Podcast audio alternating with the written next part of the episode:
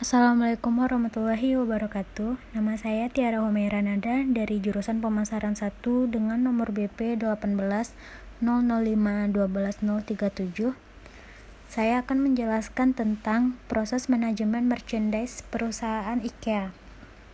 Manajemen merchandise adalah proses di mana peritel mencoba untuk menawarkan barang dagangan atau merchandise dengan jumlah yang tepat pada waktu dan tempat yang tepat pula kepada pelanggannya untuk memenuhi tujuan keuangan perusahaan.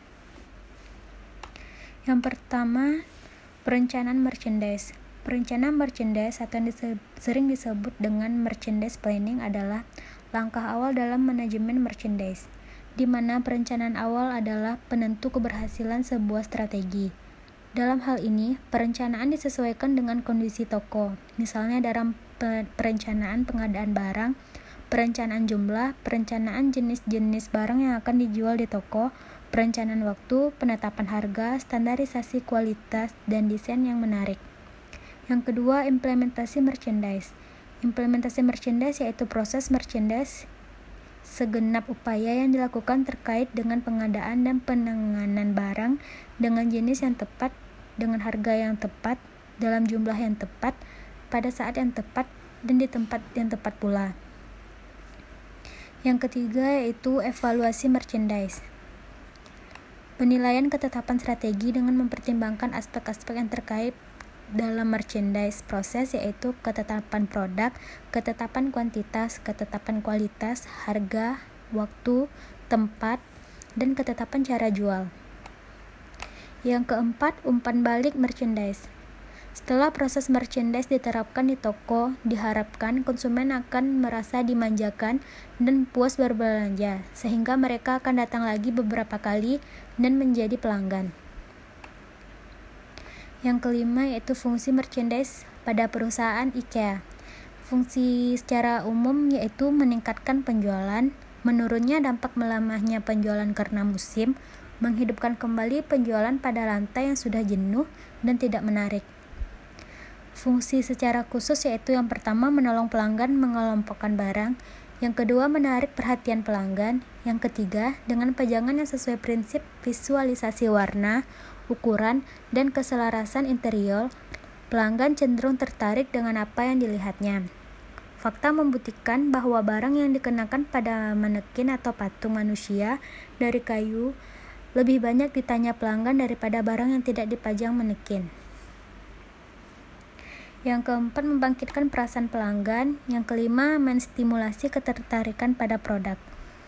Elemen-elemen merchandise. Satu, pengadaan barang penanganan barang terdiri dari order atau pemesanan, receiving atau penerimaan barang, warehouse atau penggudangan, return atau pengembalian barang. Proses perencanaan merchandise pada perusahaan IKEA. Yang pertama, pemasok. IKEA sebagai salah satu retail perabot di Indonesia senantiasa menyediakan beragam jenis perlengkapan rumah dengan mutu yang baik dan harga kompetitif dalam upaya untuk menarik konsumen, IKEA menyediakan barang-barang perlengkapan rumah atau perabot seperti meja, kursi, lemari, tempat tidur, dan lain sebagainya dengan kualitas yang baik dan bertaraf internasional. Dalam menjaga hubungan antara IKEA dengan pemasok, merchandise merupakan bagian yang sangat penting dalam kegiatan operasi karena berhubungan langsung dengan pemasok.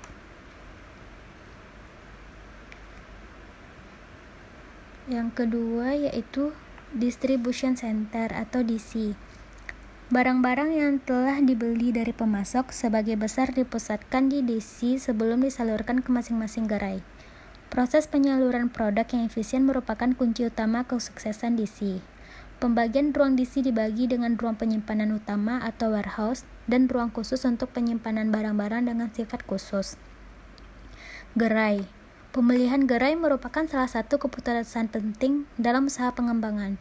Sebelum memutuskan untuk membuka gerai di suatu lokasi, perusahaan IKEA melakukan survei dan evaluasi terlebih dahulu dengan cermat dan teliti.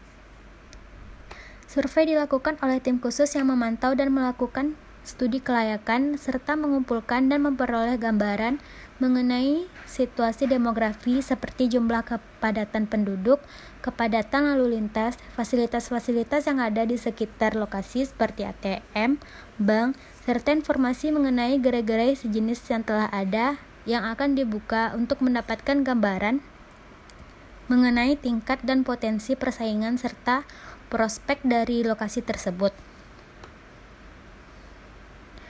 pengoperasian gerai yang pertama itu persediaan yang kedua karyawan yang ketiga jam kerja yang keempat penampilan gerai. Persediaan. Setiap tipe gerai memiliki tingkat persediaan barang minimum yang harus dipantau secara rutin. Untuk menjamin tingkat akurasi persediaan barang perusahaan IKEA melakukan pemeriksaan atau stok opname secara berkala yang kedua, karyawan. Setiap gerai memiliki banyak karyawan berdasarkan luas gerai yang terdiri dari kepala toko, asisten toko, merchandise, pramuniaga, kasir, dan lain-lain. Para karyawan bertanggung jawab untuk memantau penjualan persediaan barang dagangan. Selain itu, para karyawan harus mempunyai pengetahuan serta informasi yang lengkap mengenai produk yang dijual termasuk lokasi atau tata letak dari masing-masing produk maupun pengawasan terhadap mutu produk serta barang yang tersedia dan memberikan pelayanan yang terbaik kepada pelanggan. Selanjutnya penampilan gerai. IKEA berkeyakinan bahwa penampilan dapat mempengaruhi daya tarik konsumen untuk berbelanja dan dapat memberikan persepsi yang baik tentang kualitas produk dan pelayanan.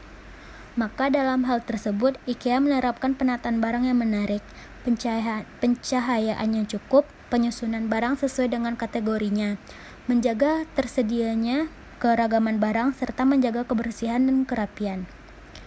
Sekian dari saya. Eh, penjelasan di atas bersumber dari dianafajar.blogspot.com. Assalamualaikum warahmatullahi wabarakatuh.